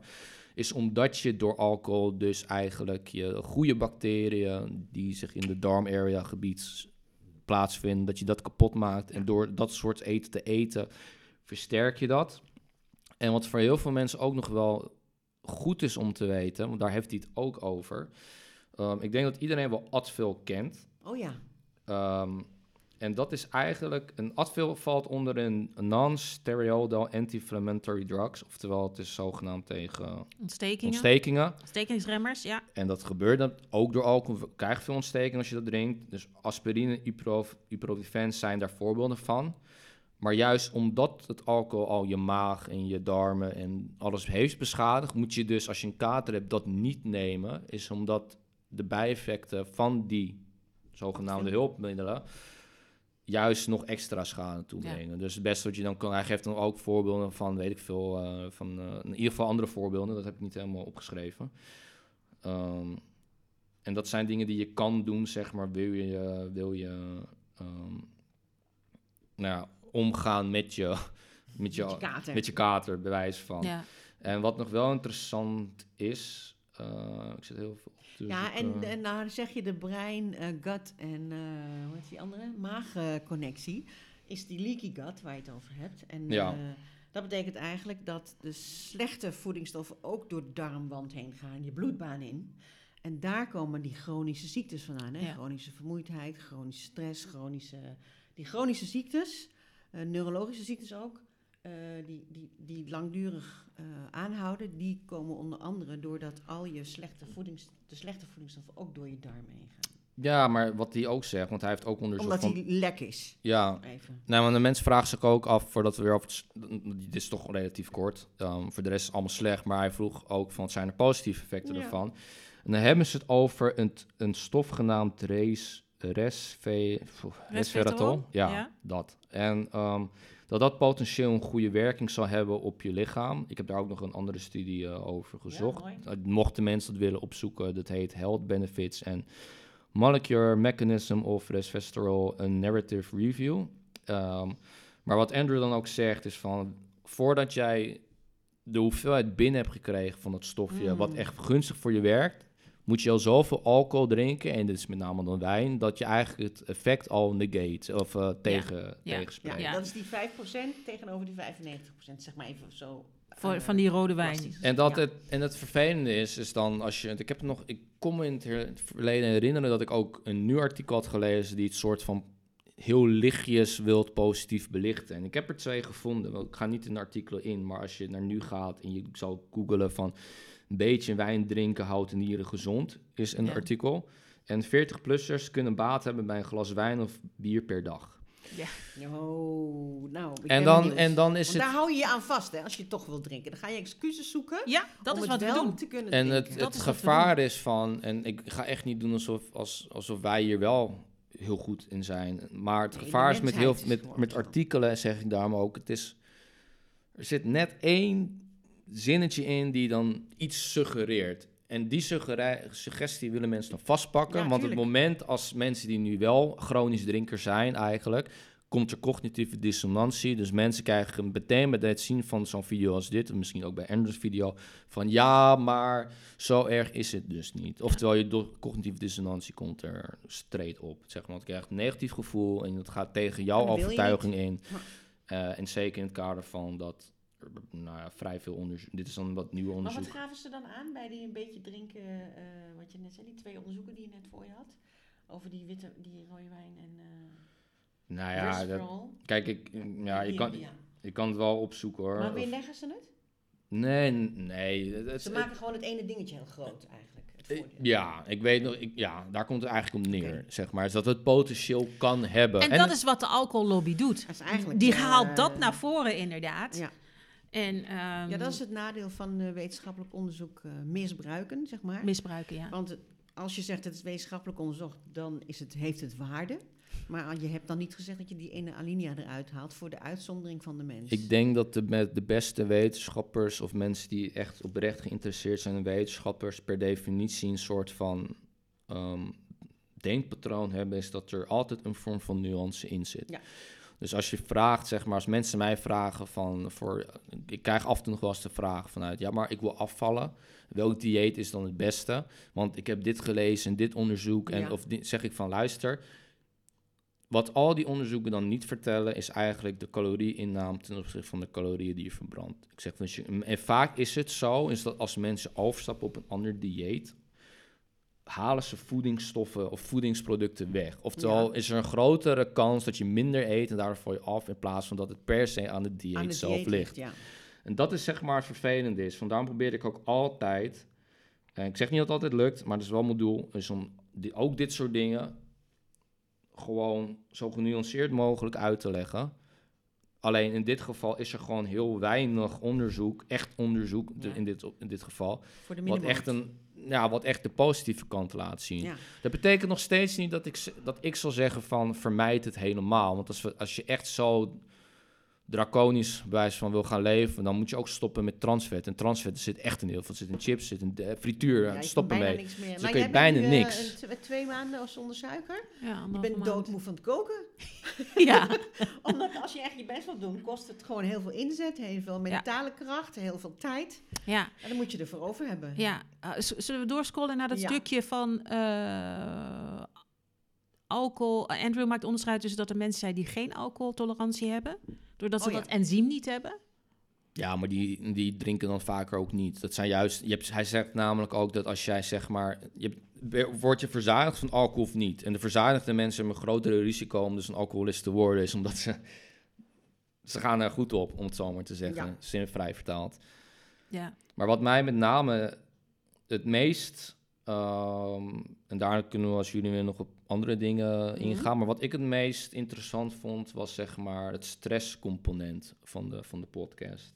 En dat eigenlijk, ehm, doordat je alcohol gaat drinken, eigenlijk als je dan, ehm, dat, dat doet iets met de hypothalamus, als ik het goed had, als ik het zo Mhm. goed uitspreek, ja, sorry. Hypothalamus. Ja, dat. En wat ervoor zorgt dat je eigenlijk meer Kort, cortisol. cortisol wordt aangemaakt en dat je dus in het dagelijks leven gewoon dus meer stress ervaart. En je moet eigenlijk, als je dat tegen wil gaan, moet je in plaats van te gaan drinken, juist niet drinken is, omdat je weer moet herstellen naar baseline, om het zo maar te zeggen. Maar ik ben toen, toen had ik, dacht ik wel van, laat ik dit eens wat breder bekijken. In de zin van, ik vroeg me gewoon heel erg af, is van, is alcoholconsumptie in de afgelopen 20, 30 jaar vergroot?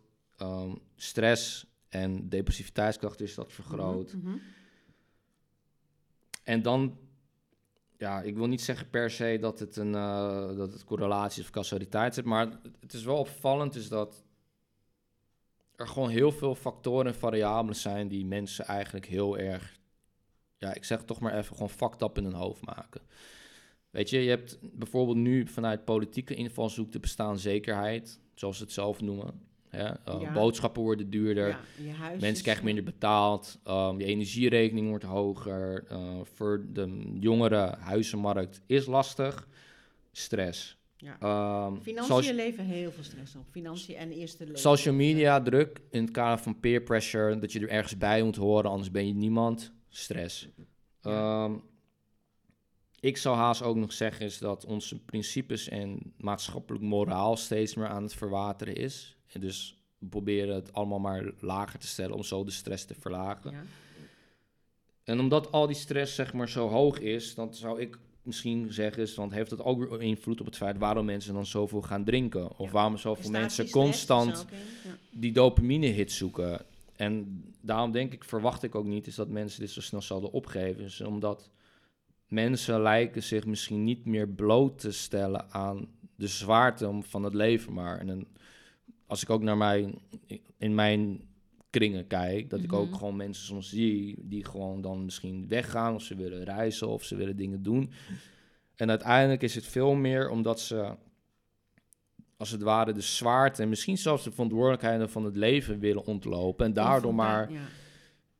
dat soort dingen gaan doen. Nou, en dat, is wel ja. een heel, eh, heel eh, groot ding. Als mensen niet meer eh, in staat zijn om iets aan te kunnen gaan... of ergens mee de confrontatie mee aan te gaan... en daardoor dus eigenlijk maar duiken, noem ik het maar even... eh, in, in middelen of, eh, of esca- escapisme eigenlijk. Ja. Het- ik vind ook, wat ik met name jammer vind, en dat ik, ik ken niet zoveel mensen die dit ook zo zien zoals ik, dus vandaar dat ik het jammer vind, is dat iets is bijzonder is, is omdat het of moeilijk te vergaren is, of je doet het niet veel. Dat maakt het bijzonder. En als je dan misschien echt van een drankje geniet, zou ik zeggen, van doe het echt op een speciale gelegenheid. Want je kan wel om alles een reden verzinnen om te gaan feesten, maar doe het echt voor iets speciaals. Weet je, dat... eh, dan heb je en dan hoef je het niet te laten. En je krijgt de verslavingsmechanismes niet. En je hebt veel meer controle over het, eh, over het aspect. Maar het feit is van dat. Ik zeg ook van. Ik vind het niet heel gek. Hoe eh, geavanceerd we zijn geworden als maatschappij. Zeg Mhm. maar, zeker in het Westen. Is dat we zo krakkemikkig worden als we 40 en 50 al zijn. Ja. Als ik kijk naar, zeg maar, is dat vanuit ehm, misschien ouders die hun kinderen al stimuleren om te drinken vanaf 15, 16. Ja. Eh, of kinderen die doen het uit een rebelse actie. Ja. Ehm, dan word je 18, je gaat studeren en dan wordt het nog harder gepromoot. Om dat te doen, hoor je erbij. Dus je zit al meer dan. En dan vraag ik me dus af, hè, van in het kader van alcoholisme en is schade beperkt? Want je zit al vaak dat je al 10 plus jaar met alcoholconsumptie zit. Ehm, en ik had zelf nog, en dit is puur speculeren, puur gewoon iets van wat in mijn hoofd rondging. Een bonusartikel noemde ik. Ehm, Ja. Ik weet niet of, of het harde wetenschap is, maar ik vond in ieder geval wel een soort van leuke gedachtenis. Is van ehm, dat het artikel suggereert is dat we als dat wij als mens dommer worden. Ja. En, dat, en, dan- en dan moet je... Galloway zei dat volgens mij toch ook, toch? Voor het eerst in het leven gaan we überhaupt op achteruit. Ja, en het heet het Flynn-effect. Eh, niet onderzocht nog, maar voor mensen die wel zelf willen onderzoeken, zoek het op, het Flynn-effect. En daar vragen ze zich dus ook af, hè, van, is het onze dieet, school, zijn we tech geobsedeerd, social media, maar in dit geval kun je dus ook alcohol eraan toevoegen. Ehm, het, ja, ik wil niet heel negatief zijn, zeg maar, maar soms vraag ik me wel af, ja, is het nou... Soms moet je de realiteit ook gewoon accepteren voor wat het is. En we moeten ons, denk ik, afvragen als mens. Niks moet, maar je kan je afvragen als mens. Gaan we er als samenleving in wereld steeds slechter... Gaan we steeds naar iets slechters toe?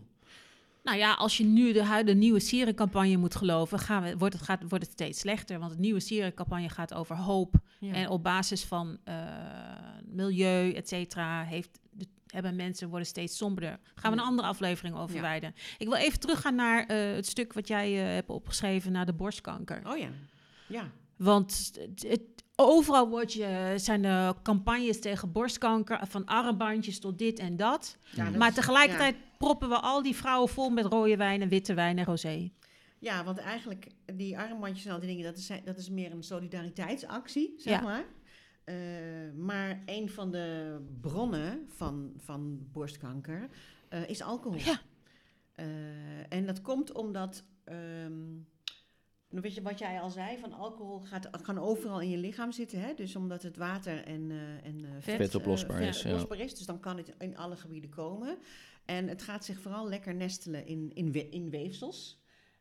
En een, borst is natuurlijk weefsel. En vrouwen hebben meer weefsel op de borst, zeg maar. Dus als daar heel veel alcohol, eh, gif, gif eigenlijk, hè, die, die, die methylering daarvan, gaat zitten, dan heb je kans dat de cellen, de, go- de goede cellen, zeg maar, veranderen in kankercellen. Eh, en vandaar die borstkanker. Maar het kan ook zijn, eh, het gaat eigenlijk om de testosteron-oestrogeenbalans. Die je als man en vrouw in je hebt. Mannen hebben meer testosteron dan vrouwen en vrouwen hebben meer oestrogeen. Mhm.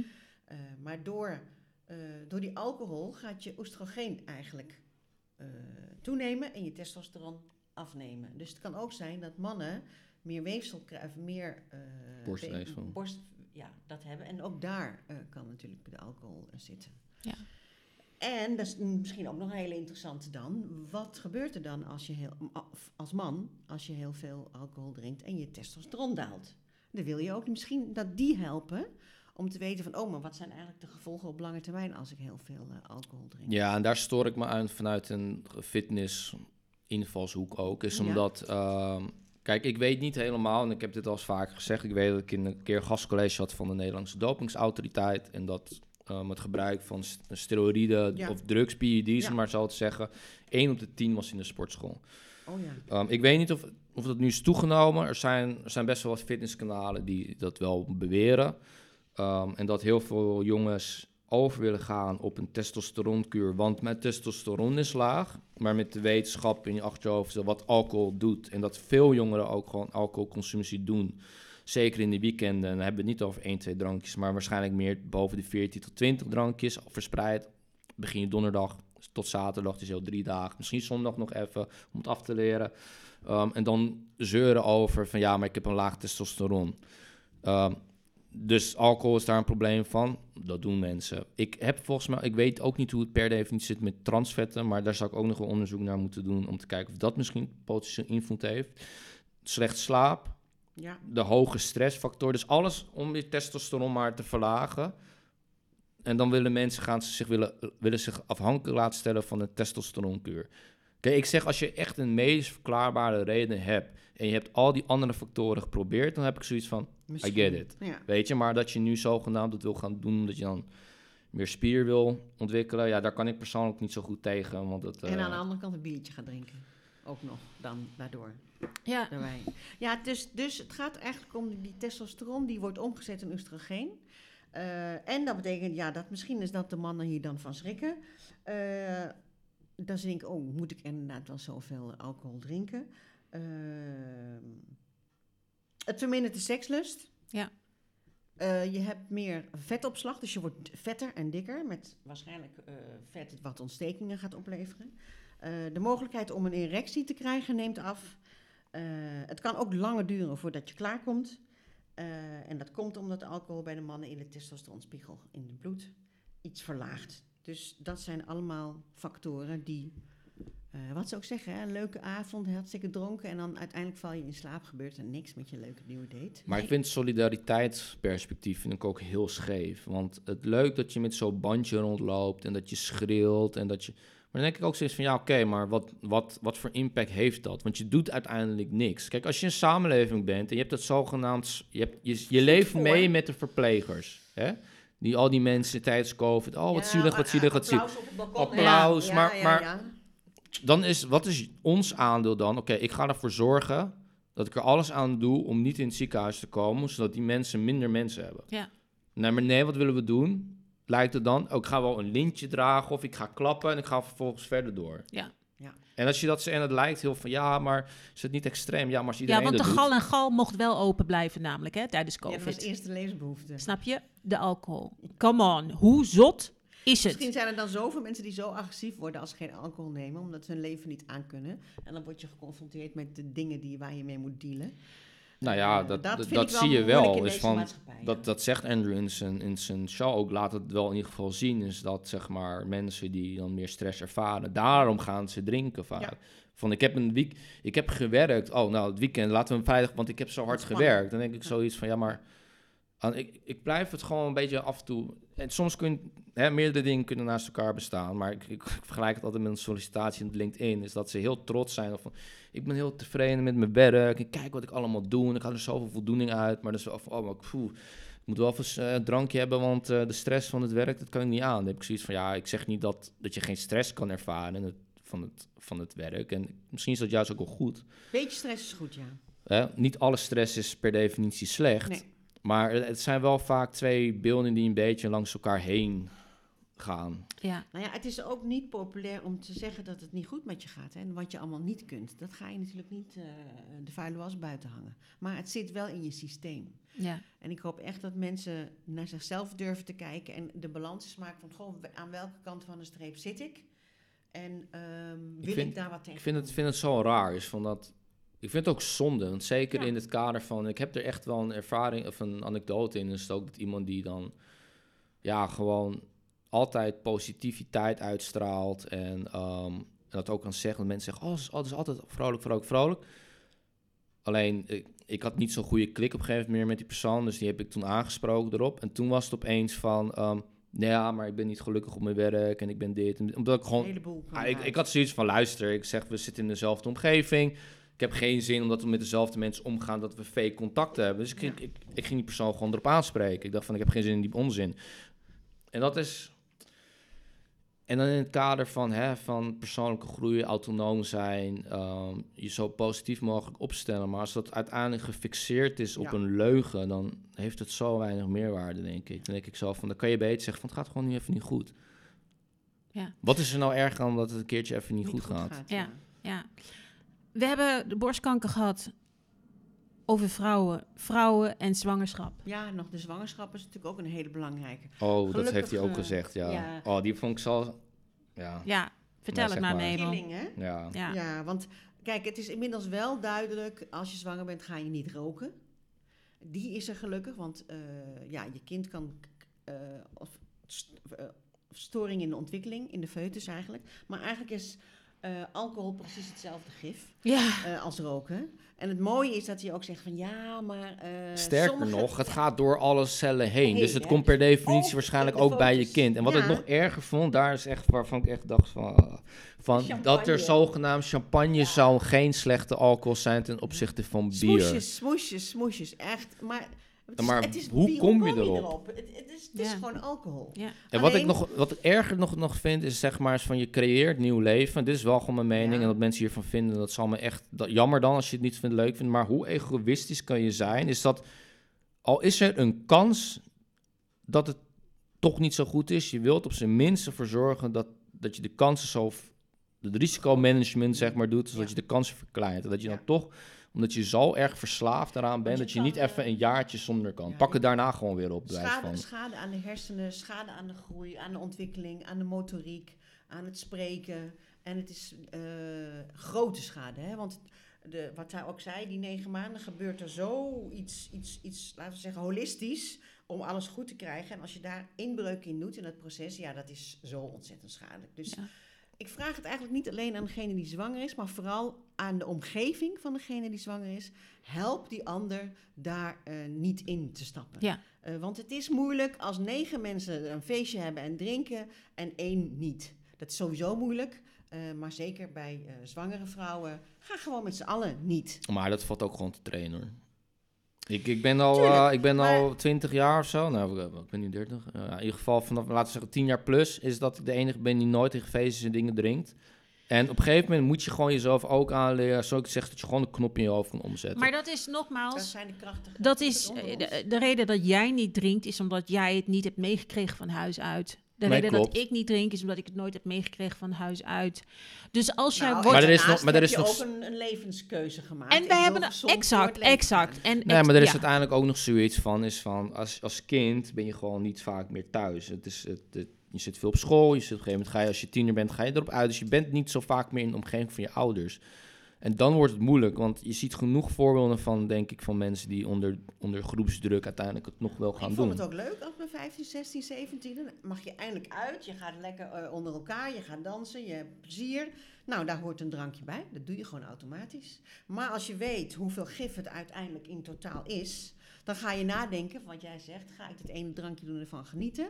Of verstop ik eh, dat geheel en ga ik gewoon lekker feesten continu? Als we naar het slotstuk gaan... Ja.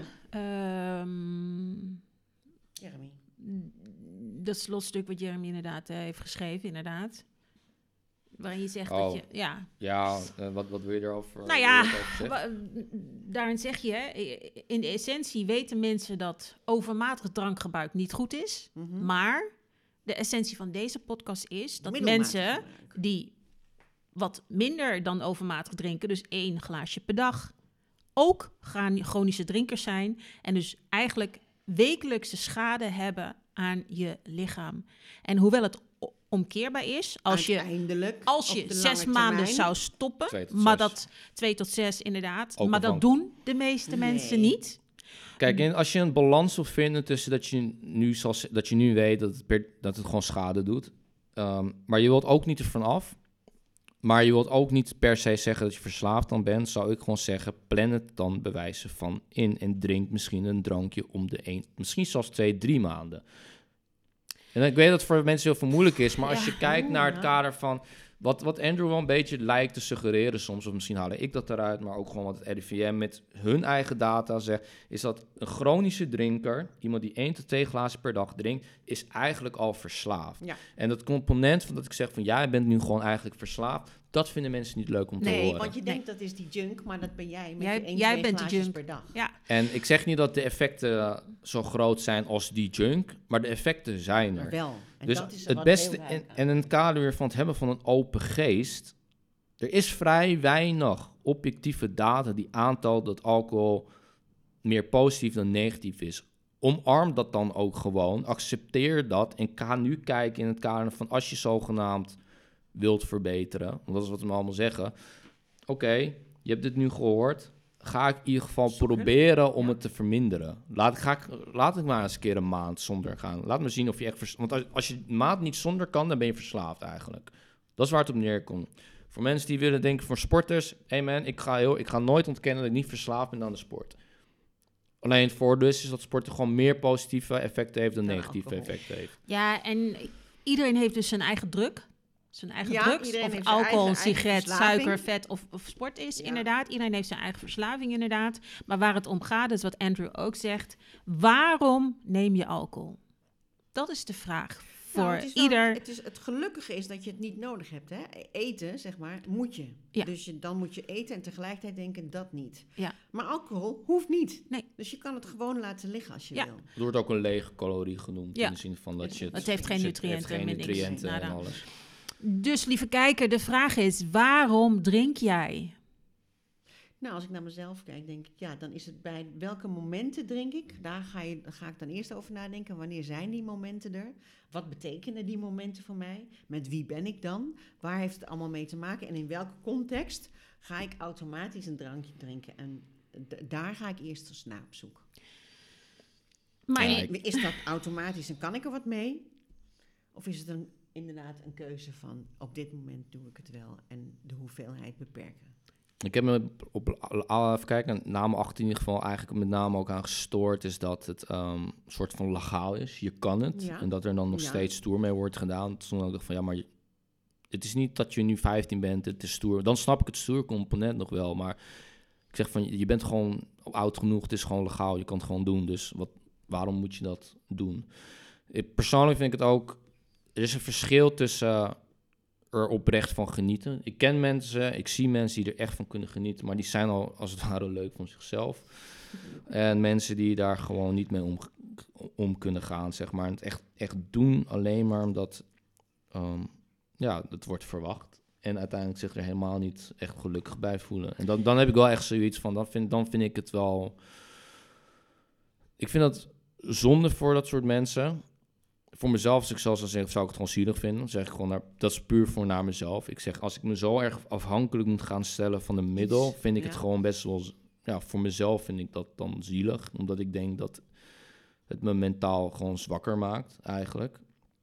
En eh, doe ermee wat je wilt.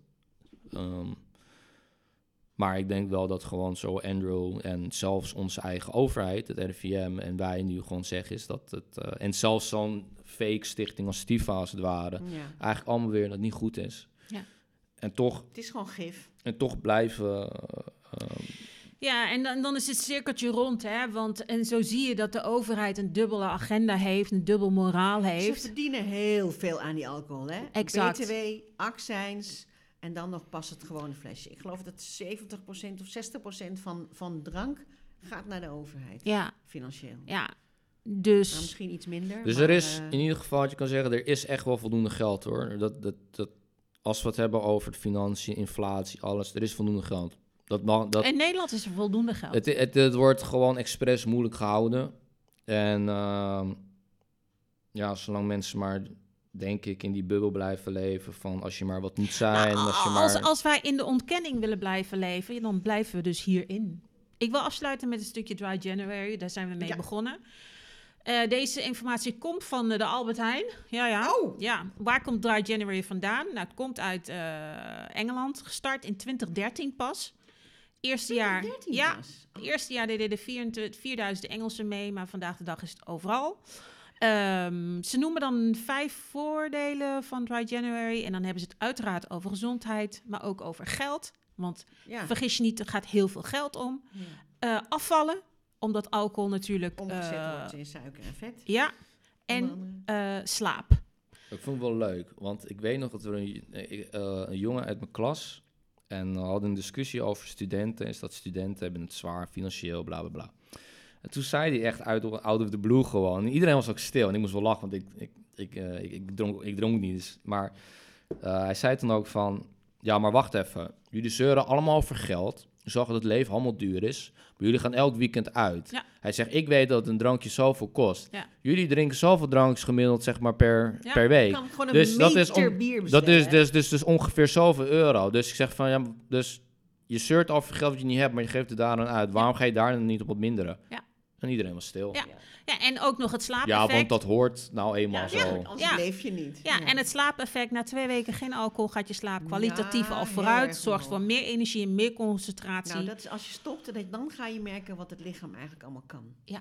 En waar het kan van genieten ook. Ja, en dan geeft ze ook nog vijf tips mee. En die Mhm. is voor iedereen nu. Ja. Om het vol te houden is, nou, hun eerste tip is probeer alcoholvrije drankjes inderdaad. Ja, maar ja, daar zit weer heel veel suiker in. Maar goed, exact, dus het schiet ook niet op. Maar nummer twee is zoek een buddy. Ga op zoek naar mensen om je heen die ook meedoen. En dat, dat is super belangrijk. in het leven. verbinding. Dat je iemand vindt op een, die jou steunt in jouw proces. Als Ja, jij want- wil ontwikkelen, gezonder wil worden. Ja, want het moeilijke is, als stel wij zijn samen, ik drink wel en jij vraagt aan mij, drink je, help mij dat ik niet drink. Stel, je, het lukt jou, dan voel ik mij dubbel slecht, omdat ik wel drink. Dus ik voel me ook zwak dat ik het niet kan. Dus dat is ook nog, het is niet alleen je buddy van, ik wil geen alcohol drinken, maar degene die het wel drinkt, en waarvan jij misschien wel zegt van prima, dat moet je zelf weten, je voelt je dubbel slecht. Dus het is echt moeilijk om een goede buddy eh, te zijn. Eh, Maar wel noodzakelijk. Misschien in het algemeen wel belangrijk, hè? Van Ja. kijken naar mensen die eh, oprecht supporten, Ja. om het zo maar te zeggen. Ja. Ondersteunen, want ik, soms denk ik dat, ja, misschien weer negatief van mij, maar ik, ik krijg in ieder geval soms het idee dat meer mensen je ja, naar beneden willen halen dan Ja. dat ze je... Ja, maar dat, onder andere Ja. omdat je anders jezelf zo naar beneden haalt. Ze willen ook zichzelf niet naar beneden halen. Want als Ja. jij heel veel sport, denk ik, denk ik alleen maar, oh, ik ben niet geweest. Hè? Terwijl ik dan natuurlijk hartstikke goed vind van jou bijvoorbeeld. Maar het komt ook op mij neer. denk ik, had het ook moeten doen. Het is ook niet een. eh, Kijk, dit, deze podcast is ook niet bedoeld om je naar beneden te praten dat je een slechter mens bent, dat je minder bent. Maar het gaat er wel om een. Het, Wakker schudden. Het is gewoon wel een wakkerschudding. Wakkerschudding. eh. Nummer drie is zorg voor geno- ge- genoeg gezonde snacks in huis. Want het drinken van alcohol gaat vaak samen met het oppakken van andere slechte gewoontes, zoals snacken, et cetera. Dus zorg ja. dat je gezonde tussendoortjes in huis hebt. Nummer vier is ook super belangrijk, blijf bezig en ga erop uit. Ga naar buiten, ga Want wandelen. je moet afleiding hebben. Ja. En dat geldt voor al je slechte gewoontes, of het nou suiker is, slecht daten of weet ik veel roken. Je moet bezig blijven moet en erop uitgaan. Kijk, je brein blijft zichzelf herhalen van ik wil, ik wil alcohol, ik wil, als je dat gewend bent dan. Hè? Ik wil dat drankje, ik wil dat drankje, ik wil dat drankje. Dus je, je moet je brein afleiden naar, je gaat wandelen, je gaat eh, met de hond lopen, Ja. je gaat boodschappen voor de buurvrouw doen. Ja. Maakt niet uit, maar afleiden. En nummer vijf is tenslotte, breng andere mensen op de hoogte. Hè? Want zodat je het niet alleen hoeft te doen. En deze is ook echt super belangrijk. Want nogmaals, jij wil dat jouw omgeving jou helpt daarin. En als jij aan jou op jouw familiefeestje komt en je zegt van guys, ik wil eh, tijdelijk stoppen met alcohol. Dan moet je niet jouw nichtje hebben die jou dan even dit- dat wijntje voorzet. Nee. Snap je? Nee, dat is killing. Ja. Dat is dubbel zwaar om dan nee te Ja. zeggen. Ten so- sociaal is het dan lastig. Ja. En het drankje is eh, Ja. lastig. Ja. Ja. Nou, guys, dat was hem. Ja. Gaan we naar een limonade? Nou, wij We gaan zijn... gewoon genieten. We gaan... eh, je- Ja. Maar eh, wat is genieten? Ja, daarom. Dat kan in Wat, verschillende vormen. wat is genieten? Voor deze mensen, voor de meeste mensen is alcohol genieten. En het- Ik vind het wel grappig gewoon, is omdat ik denk persoonlijk is dat de mens wilt controle hebben in een bepaalde mate. En juist het drinken van alcohol en het, overmatig drinken zorgt juist dat je die controle Verliest. verliest. Ja, is een beetje dat, een dat wil je paradox. soms ook, maar dat is die stresskant eigenlijk ervan. Het is gewoon, het is, het is ja, nogmaals altijd, zoals ik zeg, het is, altijd, het is altijd die balans. En ik denk gewoon dat, ik zeg niet dat je helemaal niet hoeft te drinken, maar Hm. probeer het voor echt speciale gelegenheden te gebruiken. Misschien als je een keertje jarig bent, want je bent maar één keer per jaar jarig, dan drink je bij wijze van één keer, Ja. één keer in het jaar. Oké, Ja. met oud en nieuw drink je twee, keer in het jaar. Ja. Ja. Weet je, en als je dat gewoon op die manier beperkt, En dan hebben we het niet over alle verjaardagen van mensen die je kent, hè? Want dan heb je elke week heb je een verjaardag en dan heb je daarom, je eigen, je ja, eigen alleen je eigen verjaardag. Ik wil het hierbij laten. Ehm, ja, lieve kijker, ik hoop dat we jullie hebben wakker geschud eh, over de gevolgen van alcohol. En dan hebben we het nogmaals niet over Nee. die dronkaart op de hoek, maar over jou, over je eigen ge- gedrag. Van ja, maar ik drink maar een wijntje in het weekend. Of twee of drie. Of ik drink maar een wijntje bij mijn eten. That's it. Ook dat heeft heel veel effect dus op je brein en de rest van je leven. Nou, ik zeg, Mabel, Jeremy, super dank weer voor al het onderzoek en het werk eh, wat jullie hebben gedaan. Voor jullie, lieve kijker, ehm, ik hoop dat jullie zo lief willen zijn om nogmaals te abonneren op ons kanaal. Zodat jullie eh, op de hoogte blijven, inderdaad. Ja, en ik vind het leuk van mensen te horen hoe zij het voor elkaar krijgen. Of wat zij meemaken als ze eh, een dry January verder willen doen. Of de uitdaging willen aangaan om weinig tot niks te drinken. Wat ze dan wat ze doen. Tips voor de medeluisteraars. Zet Ja. dat in de comments. Zet het in de comments, inderdaad. Ehm, ik zeg dankjewel voor het kijken en tot een volgende keer.